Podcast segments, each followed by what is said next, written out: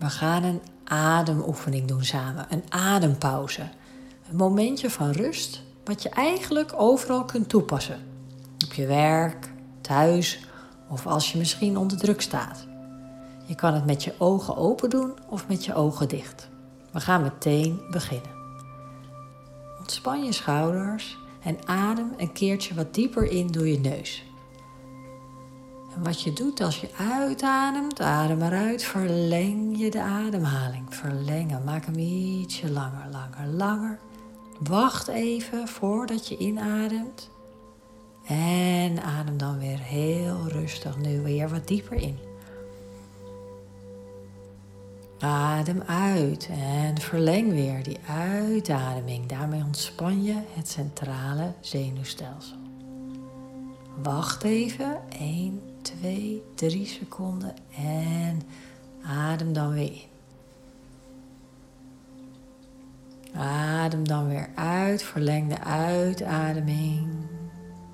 Heel mooi. En wacht dan weer even. 1, 2, 3. Heel goed. Adem in. Adem weer uit. Verleng de uitademing. Heel mooi. En wacht dan weer even. 1, 2, 3. Blijf dit zo doen. Als je rustiger in gaat ademen en rustiger uit gaat ademen, verleng je de uitademing.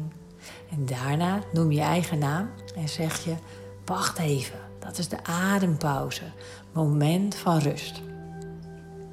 Terwijl je wacht, wordt je ademhaling en je hartslag gereguleerd. Ademhaling en hartslag komen tot rust, zenuwstelsel kalmeert. En je maakt meteen antistresshormoon aan. Hoe fijn is dat?